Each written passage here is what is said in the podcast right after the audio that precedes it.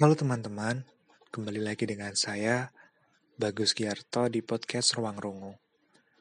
Ini merupakan podcast keempat dari podcast Ruang Rungu, yang mana sebelumnya podcast yang ketiga dengan judul Sebelum Cahaya telah tayang pada tanggal 2 Mei tahun 2020.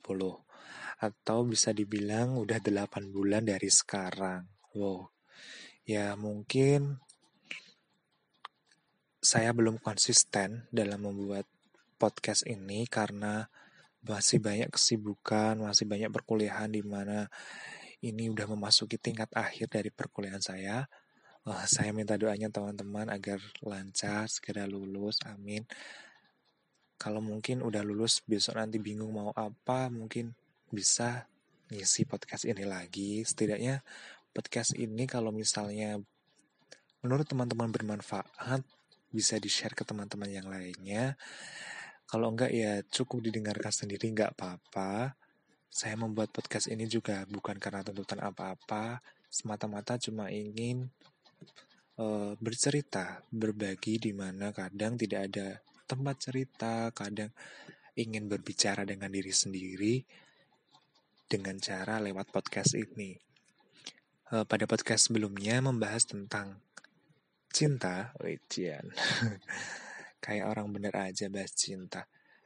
Ya, bener sih bahas cinta, cuman itu kayak kurang lebih kegelisahan hati saya pada saat itu, pada 8 bulan yang lalu, ketika saya mencoba ingin berkenalan dengan seseorang lagi, tapi ternyata tidak seperti sesuai ekspektasi saya. Jadi kayak uh, kepikiran terus jadi bimbang jadi galau lah istilahnya. Terus saya coba podcast itu tadi. Ya niatannya sih kayak mau ngasih kode. Tapi kebanyakan kode gak ada actionnya juga kayak gimana udah action juga responnya seperti itu ya sudah. Tapi masalahnya sudah selesai. Sekarang udah nggak galau-galau lagi. Sekarang eh, pada podcast yang keempat ini, saya ingin membahas mengenai mengapa saya memutuskan untuk menonaktifkan akun Instagram saya. Uh, buat teman-teman yang belum pernah tahu Instagram saya apa, jadi dulu saya punya akun Instagram yang namanya Bagus Giarto WR. Udah berapa sih dulu pengikutnya kalau nggak salah udah 650-an lebih mau 700 ya masih sedikit daripada teman-teman sekarang yang mungkin udah kayak selebgram udah followersnya banyak banget. Uh, dan jadi um, mulai dari mana ya ceritanya ya?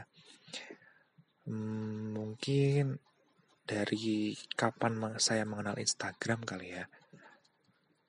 Uh, awal mulanya saya kenal Instagram itu pada saat kelas 1 SMA. Pertama kali buat akun Instagram ya. Kalau taunya itu sih SMP udah tahu, teman-teman udah banyak yang main. Cuman pada waktu itu belum punya HP Android dan kayak belum punya pikiran buat bikin akun Instagram. Terus udah masuk SMA kelas 1 baru bikin akun Instagram yang mana itu masih dikit banget followersnya masih 50-an atau 100-an saya masih ingat. Dan follower pertama follower uh, pertama saya teman-teman saya sendiri bahkan di antara beberapa teman saya yang sekarang udah menjadi selebgram atau yang udah followersnya hampir 10 ribu, hampir 5 ribu, 6 ribu dulu pada saat saya masih kelas 1 SMA itu masih dikit banget followersnya. Masih seribuan. Sekarang udah buka PP endorse lah istilahnya kayak gitu. Jadi awal insta jadi uh, awal mula saya buat Instagram ya karena punya HP baru pada saat itu. Terus coba download. Terus unggahan pertama saya itu foto saya ketika ketika mengikuti mabit malam bina iman takwa. Dan itu difotoin sama cutting panitianya. Itu unggahan foto pertama saya. Terus uh, lihat apa namanya fit dari Instagram teman-teman saya yang terlihat estetik dan fotonya bagus-bagus, saya menjadi tertarik di dunia fotografi seperti itu. Mulai deh coba-coba buat foto-foto, kemudian upload beberapa foto, terus upload Instagram. Pada saat itu belum ada Insta Stories kalau udah ada apa belum ya? Sepertinya ah, udah udah deh. Udah ada Insta Stories beberapa udah bikin Insta Stories pada saat itu belum ada kegelisahan kayak kegalauan. Kenapa kenapa harus berhenti Instagram itu belum ada ya. Terus menginjak kelas 11, kelas 11, kelas 12 itu udah teman-teman udah banyak yang main Instagram, kemudian lihat Instagram dari teman-teman, udah ada yang namanya selebgram kayak gitu. Terus lambat laun itu bermain Instagram itu rasanya tuh jenuh sekali. Gak tahu kenapa kayak buang-buang waktu kayak gitu. Ditambah pada saat itu bukan bukannya buang-buang waktu sih kayak belum gak ada waktu buat main Instagram. Pada saat itu kelas 11 atau kelas 12 itu pada sibuk-sibuknya buat mempersiapin SNMPTN atau SBMPTN. Karena dulu saya tidak lolos SNMPTN, jadi saya mempersiapkan diri untuk belajar SBMPTN. Dan di tengah belajar dari SBMPTN itu sendiri, kadang itu nggak ada waktu buat buat update Instagram, buat lihat Instagram. Jadi kayak nggak pernah posting lagi nggak pernah bikin fit lagi kayak nggak berguna gitu loh. Beberapa kali juga mungkin kalau nggak ada acara tertentu nggak bikin Insta Stories atau nggak ngupload di IG kayak gitu. Karena menurut saya itu kayak nggak ada bahan buat diupload kayak eh, nggak tahu mau apa soalnya udah fokus sama belajar kayak gitu Terus pada masa pada saat belajar itu tadi gak sepenuhnya berdampak negatif sih Instagram. Beberapa info juga bisa didapat dari Instagram kayak buat ngefollow akun-akun uh, eh, SBMPTN kayak gitu. Terus ada berbagai latihan soal, ada beberapa persyaratan buat tryout yang harus apa namanya nge-share nge-share postingan di Instastory Instastory sendiri biar bisa ikut tryout atau enggak yang dulu tuh ada namanya itu uh, ada yang namanya rasionalisasi dari Kak Ripa. Ripa atau siapa itu yang ramai banget di Instagram pada saat itu. Dan aku nggak pernah ikut yang namanya rasionalisasi itu tadi for your information oke terus lambat laun SBMPTN udah ikut tes, kemudian nggak keterima, terus ikut tes apa lagi nggak keterima lagi, tapi di saat lain itu lihat teman-teman di Instagram itu kayak yang udah pakai jas alma maternya, udah udah. Udah pakai jas alma maternya, kemudian beberapa udah pasang twibbon, kayak ada perasaan iri, kayak ada perasaan kenapa sih uh, yang lain itu udah bisa, kenapa aku belum? Kenapa yang lain udah diterima di perguruan tinggi ini, kenapa saya belum? Kayak rasa membanding-bandingkan diri sendiri itu ada gitu loh. Perasaan gak percaya diri, perasaan minder, jadi takut buat buka Instagram, nanti yang dilihat adalah postingan temen yang udah mulai kuliah, postingan temen yang posting Twibbon masa orientasi kampusnya yang kayak gitu-gitu kayak buat insecure kayak buat khawatir. Besok ini kayak gimana kayak pernah punya pikiran kenapa sih hal-hal kayak gitu tuh mesti diposting? Pernah kayak pernah punya pikiran kayak gitu gak sih? Kayak kenapa sih itu harus diposting? Kenapa sih nggak bisa ngertiin perasaan kita yang nggak keterima kayak gitu. Tapi ya sebenarnya itu merupakan uh, reward dari mereka sendiri kebanggaan mereka sendiri. Setelah berjuang akhirnya dia diterima. Jadi ya nggak ada salahnya. Kebahagiaan orang-orang itu yang berbeda. Ya pada saat itu kamunya itu lagi bersedih. Jadi momennya itu kayak nggak tepat gitu loh. Jadi setelah masa mencari kuliah, SBMPTN dan lain-lain itu berlalu, masih masih punya akun Instagram.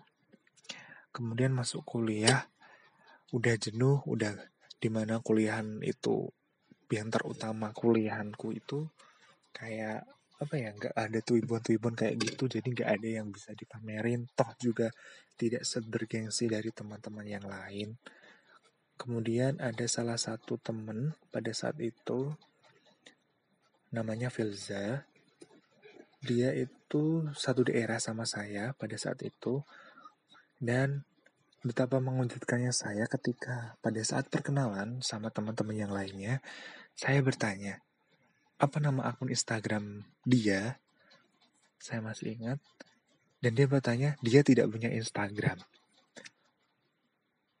Uh, first impression atau reaksi saya pertama kali mendengar itu kayak nggak percaya.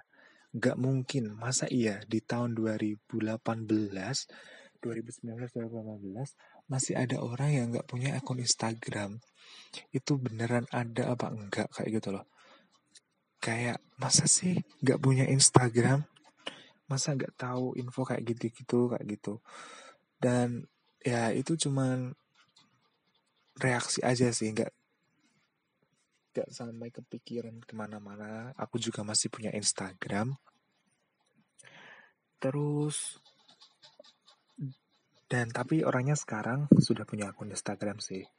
Terus beberapa kali uh, ada acara yang harus melibatkan Instagram, jumlah Instagram kayak seperti paid promote yang mana kayak harus meng-share beberapa postingan di Instagram pribadi masing-masing.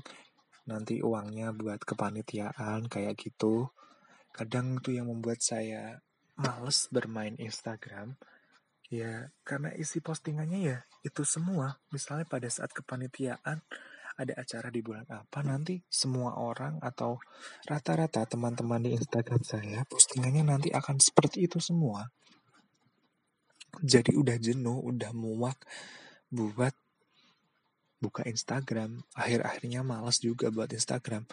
Kemudian karena saya malas bukan is, buka Instagram, badah karena saya malas buka Instagram itu tadi, ada teman saya yang mengenal menyarankan bukan menyarankan sih yang apa istilahnya ya mengajari saya buat bermain Twitter.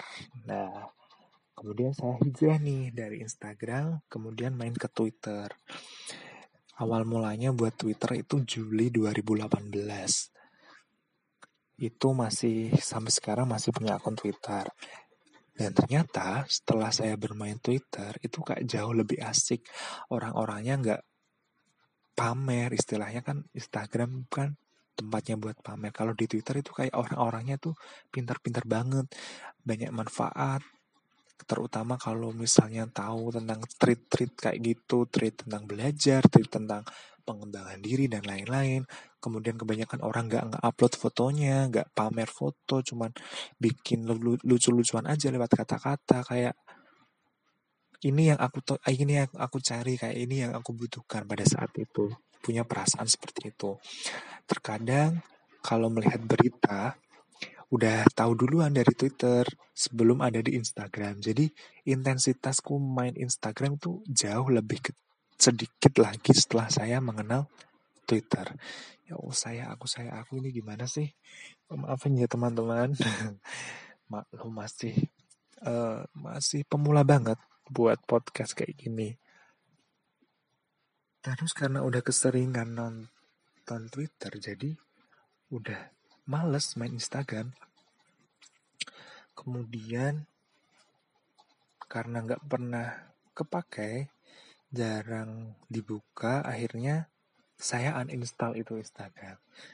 Cuman belum sampai tutup akun. Beberapa kali juga saya unduh lagi kalau misalnya jenuh dan lain-lain. Tapi di sela-sela itu tadi apa namanya pernah dengar uh, guru saya di SMA itu pernah mau bukan guru saya sih apa ya sih? Aduh lupa aku. Ada artikel di internet yang mengatakan manfaat 10 hari tidak memegang HP atau smartphone.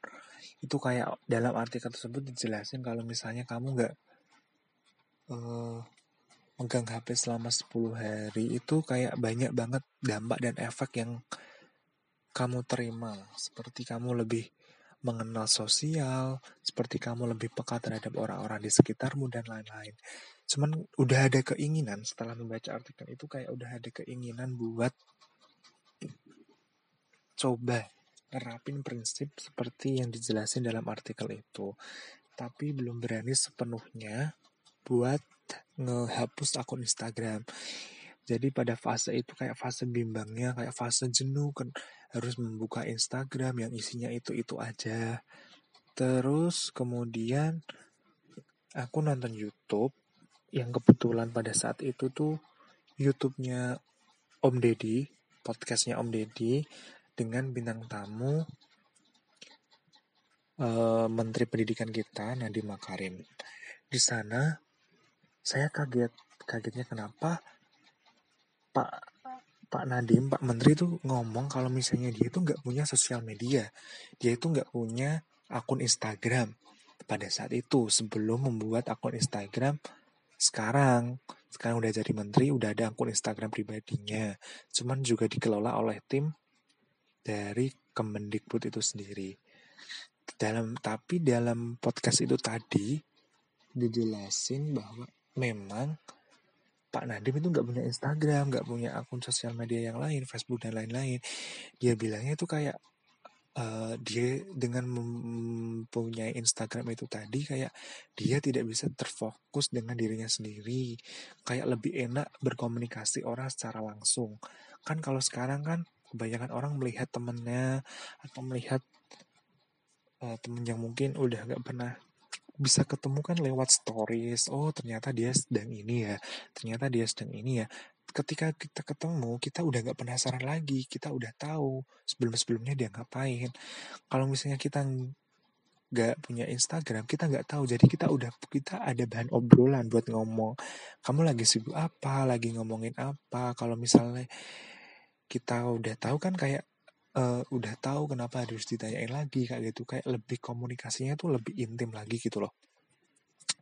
Terus kalau misalnya nggak punya Instagram kita kangen sama seseorang kita tinggal telepon aja nggak usah kepoin dia lagi apa dia bikin stories apa. Itu kayak kita nggak berinteraksi sosial secara langsung karena interaksi kan paling bagus kan lewat komunikasi. Ya udah kita telepon aja sedang apa? Kayak yang aku lakukan sekarang ini. Kalau misalnya lagi bingung lagi kangen atau lagi pengen tahu kabar seseorang ya udah langsung dikontak aja. Langsung ditelepon kayak gitu. Nah, terus itu buat salah satu motivasi saya buat mantepin diri nih. Beneran mau ngehapus akun apa enggak kayak gitu. Terus aku juga uh, ada ada pernah kas, suatu kasus yang sempat booming pada saat itu. Ada Aukarin, salah satu selebgram di Indonesia, yang pada saat itu pernah menghilang. Oh ya, maksudnya menghilang itu puasa sosmed istilahnya, puasa dari Instagram beberapa minggu atau enggak beberapa bulan karena dia sedang membantu korban di tsunami Palu dan Donggala pada saat itu. Terus, kembalinya dia di Instagram, dia juga berbicara kalau semisalnya sosial media itu toxic. Gimana toxic? Kayak kita itu harus memikirkan bagaimana tanggapan orang terhadap kita, bagaimana penerimaan orang terhadap kita. Kita membuat diri kita seolah-olah harus memuaskan banyak orang, harus menyenangkan banyak orang yang mana itu akan menguras energi dan mental kita sendiri. Semisal kita upload foto suatu foto, kemudian kita berekspektasi akan mendapatkan like atau love yang banyak dari followers kita. Jika hal itu tidak tercapai, maka membuat hati kita itu sedih, membuat hati kita gelisah, gundah. kemudian berpikir lagi, apa yang salah dengan yang saya lakukan, apa yang salah dengan postingan saya. Kayak menyalahkan, mencari-cari kesalahan yang akhirnya tidak membuat kita tenang membuat saya overthinking seperti itu. Kemudian harus memikirkan caption untuk suatu postingan saya yang mungkin menghabiskan waktu 1 30 menit sampai 1 jam hanya untuk memikir, memikirkan caption atau kata-kata yang akan saya tulis di bawah foto yang akan saya upload. Itu benar-benar menguras waktu, membuang-buang waktu saya dan toh pada akhirnya pun setelah kata-kata saya buat juga tidak terlalu diperdulikan dengan orang. Orang juga akan melihat, orang hanya akan melihat foto saya yang lewat di timeline terus meswipe, mengswipe-nya lagi ke atas. Udah itu saja. Yang berkomentar juga beberapa teman saja. Kan malah terkadang ada beberapa teman yang dengan sengaja meminta agar tolong dong like fotoku, tolong dong komen fotoku kayak gitu kayak apa ya yang ditampilkan di sosial media itu juga sebenarnya palsu, nggak sebenarnya yang terjadi. Saya beri contoh, misalnya kita sedang hangout dengan teman-teman, lagi makan bareng bersama. Sebelum kita makan mesti ada yang bilang kayak gini, ayo dong difoto dulu makanya buat stories, buat snapgram, buat snapgram kayak gitu. Lebih fokus ke fotonya, nggak kepada momennya itu sendiri.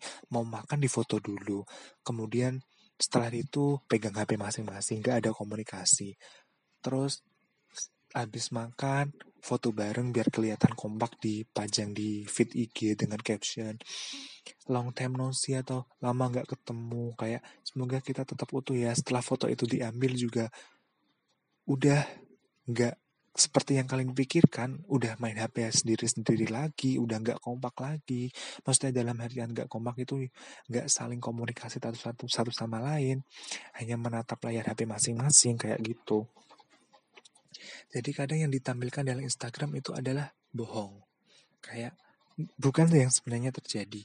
Seperti orang yang sedang berbahagia, dia menutup-nutupi kebahagiaan itu tadi seolah-olah dia sedang eh sedang berbahagia, sedang bersedih, dia menutupi seolah-olah dia sedang berbahagia, kemudian memaksakan diri dalam artian melihat orang lain berlibur, terus dia ingin juga berlibur, dia ingin mem memamerkan dia sedang ke sini, kayak membebani pikiran kita sendiri. Kita harus seperti orang lain, kita harus menyamai orang lain kita harus bisa seperti orang lain. Kita tidak fokus dengan apa yang sudah kita miliki itu sendiri.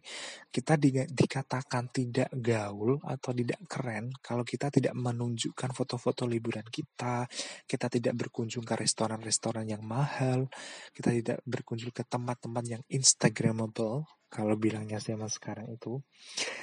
Jadi banyak Makanya banyak sekali banyak sekali objek-objek wisata yang menawarkan spot yang instagramable dengan tujuan apa? Dengan tujuan orang-orang akan mengupload fotonya dan mendapatkan apresiasi dari orang lain. Seperti itu.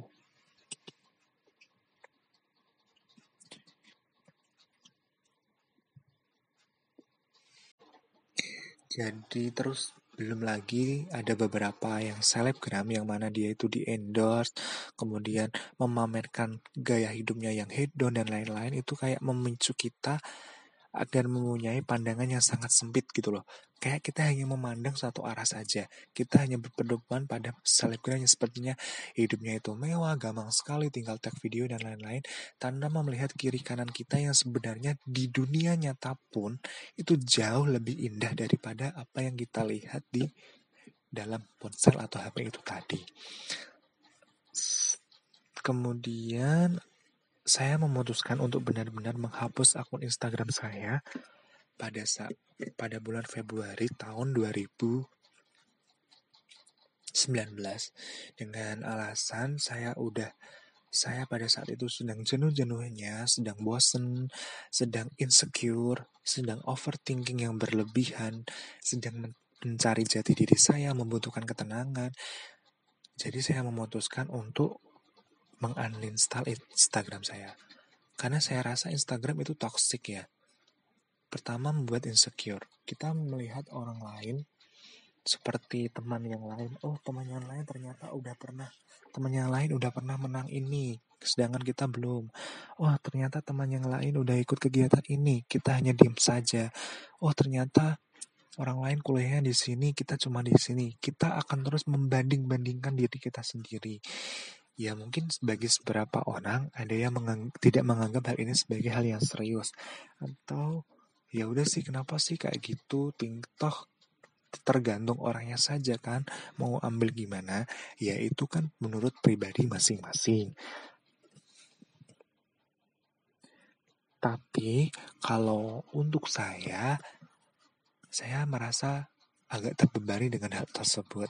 Belum lagi saya harus mengedit foto saya supaya lebih terlihat bagus, lebih terlihat instagramable, memikirkan caption, memikirkan berapa jumlah lagi yang akan saya dapat, bagaimana follower saya dan lain-lain. Sebenarnya bukan sampai ke segitunya sih, kayak saya lebih banyak membuang-buang waktu saya dengan scroll Instagram rebahan bisa sampai 2 jam atau penggunaan harian Instagram saya itu 5 jam sehari. Di mana waktu yang 5 jam itu bisa sangat cukup banget banyak banget. Oh, bisa digunakan oleh manfaat yang lainnya. Kemudian apa lagi ya? Oh iya, ada satu buah film yang menerangkan tentang bahaya bahaya menggunakan sosial media. Adalah Social The Social Dilemma. Itu film dari Netflix, kalau nggak salah judulnya itu Social Dilemma, keluaran tahun 2020 ini. Itu menjelaskan efek dari penggunaan sosial media, yang mana sosial media itu sebenarnya adalah memanipulasi diri kita di sana uh, film itu bentuknya itu film dokumenter. Dalam film tersebut ada beberapa ahli dari Harvard, Oxford, dan lain-lain, eh, ahli dari pemasaran, kemudian pakar dari teknologi, ada beberapa orang yang pernah bekerja di Facebook, pernah bekerja di Twitter, Instagram, dan lain-lain.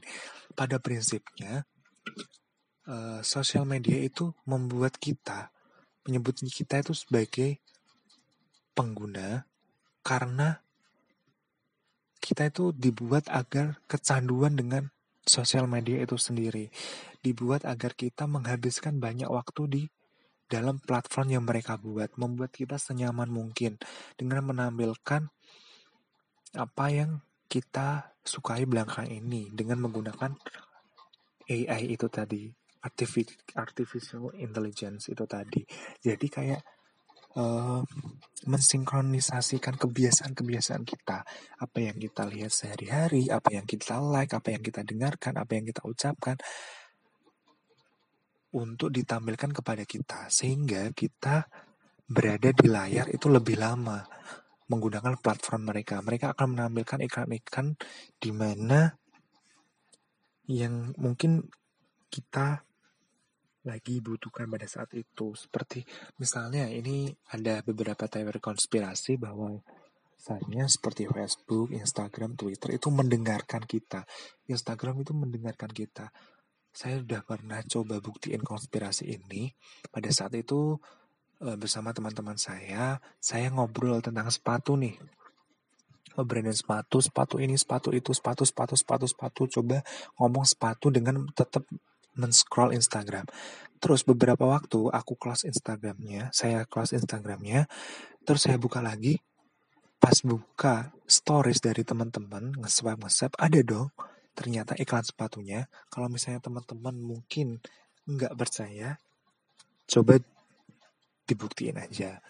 Kalau enggak seperti kita lagi nge-search yang direkomendasikan seperti di YouTube merekomendasikan. Kita melihat penyanyi ini nanti yang keluar yang direkomendasikan juga penyanyi tersebut terus menyanyikan lagu yang lain-lain. Jadi kayak kita dibuat semakin lupa dengan kehidupan nyata kayak gitu loh. Kayak dibuat terpaku di dalam layar sosial media itu tadi terus saya udah mantap buat hapus akun Instagram saya sekarang udah berjalan hampir Februari, Maret, April, Mei, Juni, Juli, Agustus, September, teman 10 bulan, hampir 10 bulan saya tidak bermain Instagram. Dan perasaan yang saya terima, saya lebih lega, jujur saya lega, saya lebih tenang, saya lebih terfokus dengan diri saya sendiri. Saya tidak usah jenuh atau terbebani dengan melihat postingan orang-orang, toh mereka juga tidak peduli dengan apa yang saya posting, dengan apa yang saya lakukan, karena pada dasarnya semua orang juga mencari perhatian di sana. Uh, saya lebih bisa berkomunikasi lebih dekat dengan orang tua saya, dengan teman-teman saya, ditambah pada saat situasi pandemi seperti ini, saya rasa saya lebih menghargai apa yang ada di sekitar saya. Kayak begitu, seperti itu. Terus buat teman-teman yang mungkin punya pendapat, kan saya kerjanya di Instagram, saya jualan di Instagram, saya masih belum bisa keluar dari Instagram, ya nggak apa-apa, Ya, selama Anda masih bisa mengontrol diri Anda dengan baik, it's okay untuk tetap bermain Instagram.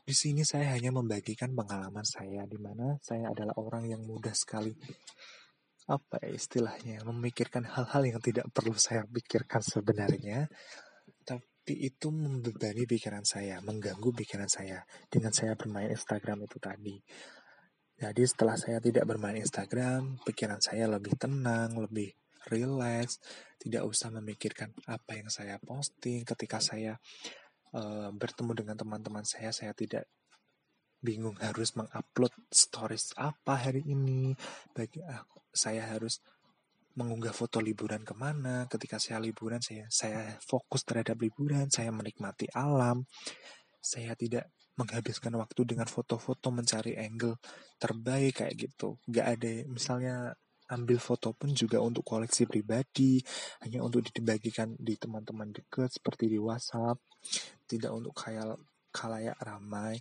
Ya mungkin bagi sebagian orang itu gak penting gitu loh. Kenapa sih harus saya harus melihat ini kayak gitu? Malah membuat orang lain insecure dan lain-lain seperti itu. Terus apa lagi ya? Uh, terus kemarin saya membuka Quora.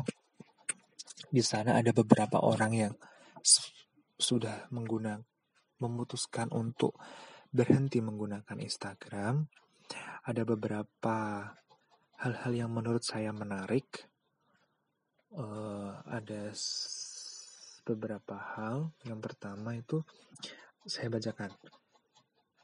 Saya sampai membuat akun Instagram menjadi akun bisnis demi mengetahui apa saja yang dilakukan teman-temanku dengan instastoriesku. Ya ini seperti saya, saya juga dulunya mengubah Instagram saya menjadi akun bisnis supaya saya bisa tahu siapa yang membagikan Instagram feed Instagram saya, siapa yang menyimpan postingan saya, ada apa yang apa yang teman saya lakukan dengan story saya, apakah dia e, mengabaikannya, apakah dia men-screenshot dan lain-lain. Kemudian segitu inginnya mendapatkan like dan pujian serta pengakuan dari orang-orang bahwa aku juga bahagia bisa melakukan hal keren seperti orang lain seperti yang saya katakan sebelumnya di awal, memang orang itu kayak memaksakan dirinya agar terlihat bahagia, seperti memposting dirinya dengan pacarnya dan lain-lain, yang sekiranya lebih keren. Bagaimana saya bisa terlihat lebih keren? Bagaimana saya dapat mempoles diri saya sebagus mungkin agar di mata orang saya itu keren, saya itu cool, saya itu hebat, bisa liburan di mana-mana seperti itu. Lama-lama Instagram hanya akan hanya akan menjadi alat untuk pamer, kehilangan fungsi yang sebenarnya sebagai sosial media. Kemudian di sana disebutkan juga bahwa dia juga mulai risih dengan orang-orang yang tidak dikenal yang melihat kegiatannya atau dengan kata lain orang-orang yang stalking. Kan kita kadang juga suka, suka sebel gak sih kalau akun Instagram kita itu dibuat stalking oleh orang-orang yang hanya kepo kita sedang apa kayak gitu. Kemudian di sana juga diceritakan, aku tak lagi merasa terhibur melihat foto-foto keren teman-temanku. Aku pikir untuk apa gunanya aku mengikuti kehidupan mereka, apalagi kalau tahu bagaimana cerita di balik foto-foto itu.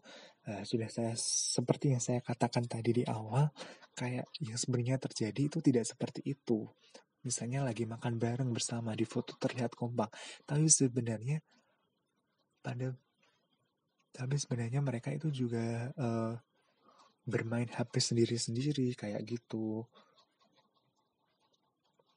Terus mereka bahagia ketika bisa pamer makanan di restoran mewah, seperti di Instastory tadi. Tapi kemudian menyesal besoknya karena kehabisan uang. Itu adalah fakta yang menurut saya benar dan juga miris sekali. Kita berlomba-lomba agar terlihat keren.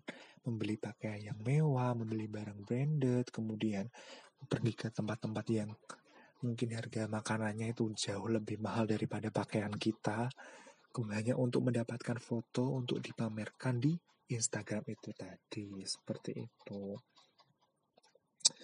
Ada beberapa quotes. Yang pertama stop explaining yourself and telling people everything berhentilah menjelaskan diri anda kepada orang lain karena kadang uh, persepsi orang lain itu tidak seperti yang kamu pahami tidak sepaham dengan apa yang sedang kamu inginkan, tidak seperti ekspektasi kamu. Kamu adalah kamu sendiri. Kamu adalah pemegang penuh diri kamu sendiri. Kamu yang mempunyai hak seutuhnya dengan diri kamu sendiri. Tidak usah memikirkan omongan orang lain. Sebisa mungkin jangan ke distract dengan orang lain. Fokus dengan kehidupan pribadi sendiri. Seperti itu. Kemudian uh, saya juga menyadari bahwa kebahagiaan itu tidak untuk diumbar. Misalnya kita sedang foto dengan pacar atau sedang liburan, kadang kayak kebahagiaan ingin ditunjukkan kepada orang lain. Sejatinya kebahagiaan itu sudah ada dalam diri kita sendiri. Kita tidak perlu pengakuan atau validasi dari orang lain bahwa kita sedang merasa bahagia. Ya sudah, dengan cukup kamu bahagia ya udah. Kalau kamu butuh pengakuan, itu kamu akan namanya kamu menuntut diri kamu agar kamu bahagia, agar kamu diakui orang kamu ini bahagia. Padahal itu kan tidak baik kan? Apa gunanya kita dikatakan bahagia dan keren sama orang lain kalau diri kita sendiri tidak merasa seperti itu? Tidak perlu juga kebahagiaan kita dibanding-bandingkan dengan kebahagiaan orang lain. Orang lain sudah punya iPhone, kamu belum. Orang lain sudah sampai ke Jerman, ke Cina, ke Jepang, kamu masih di rumah aja. Karena kebahagiaan orang itu berbeda-beda. Orang bahagia dengan caranya masing-masing. Seperti dengan makan bakso saja orang sudah bahagia. Kenapa harus membela-belain datang ke restoran mewah seperti itu? Setelah nonaktifkan Instagram, saya lebih menikmati perjalanan, menikmati hidup, menikmati apa yang uh, aku dapat. Aku jalan-jalan memang untuk menghibur diriku sendiri, untuk menikmati tempat yang indah, bercanda dengan teman-teman di perjalanan, berfoto juga seadanya, tidak usah memikirkan apa yang harus aku upload pada saat itu. Dan itulah beberapa manfaat yang saya dapatkan setelah menonaktifkan Instagram saya. Kemudian ada beberapa fakta bahwa di Instagram itu dalam Instagram vividnya apa prinsipnya orang lain itu ternyata tidak melakukan hal yang lebih baik dari kamu. Instagram hanyalah yang membuat itu terlihat lebih baik. Sudah berulang kali saya katakan, sebenarnya Instagram itu manipulasi. Apa yang ditampilkan itu semuanya itu semu, tidak seperti yang terjadi. Selama ini saya pikir apa yang saya lakukan kurang maksimal, sedangkan orang lain melakukannya lebih baik. Setelah IG tidak ada, saya sadar ternyata apa yang dilakukan orang lain kebanyakan sama-sama saja, sedangkan promosi atau dokumentasinya saja yang luar biasa. Bagaimana saya tahu itu? Sederhananya, sederhananya setelah tidak ada IG, ternyata apa yang dilakukan orang lain, orang lain tidak terasa oleh saya seperti dia memenangkan kontes. Saya juga tidak berkontribusi apa pun. Saya juga biasa-biasa saja. Kemudian dia udah sampai di sana, udah liburan di sana, kayak tidak ada impactnya dengan saya secara langsung. Setelah saya tidak punya Instagram seperti teman-teman saya yang nyatanya juga tidak tahu bahwa saya udah nonaktif Instagram, tidak peduli dengan saya, tidak mencoba menghubungi saya. Ya seperti itulah kehidupan nyatanya. Intinya, apa yang orang lain lakukan itu punya impact pada pasannya masing-masing. Begitu juga dengan saya. Untuk itu saya jadi lebih yakin dan fokus kepada dunia saya sendiri. Uh, mungkin itu saja udah cukup panjang podcast kali ini. Lebih panjang dari yang biasanya. Jadi intinya saya men, saya lebih tenang, saya lebih menghargai hidup, saya lebih excited untuk ketemu teman-teman, untuk bercerita dengan teman-teman apa yang sudah dialaminya beberapa hari belakangan, beberapa minggu yang lalu tanpa maksudnya tanpa melihat instastories mereka kalau misalnya pengen menanyakan, menanyakan kabarnya ya juga tinggal telepon. Tidak usah repot-repot dan lain-lain. Semoga hal ini bermanfaat, semoga bisa membuka wawasan pikiran teman-teman buat teman-teman yang masih ragu buat uninstall Instagram atau setidaknya uh, uninstall mendeaktifkan akun Instagram, setidaknya pelan-pelan lah dikurangi bermain Instagramnya. Sebisa mungkin tidak tergantung dengan Instagram lagi. Insya Allah kalau itu bisa mungkin kita menjadi pribadi yang lebih baik lagi, tidak mudah insecure, tidak minder, tidak menuntut pengakuan dari orang lain. Uh, sekian podcast dari Ruang Rungu mengenai mengapa saya menonaktifkan Instagram saya. Terima kasih. Semoga bermanfaat. Dadah. Dadah. Oke, sampai jumpa di podcast selanjutnya. thank you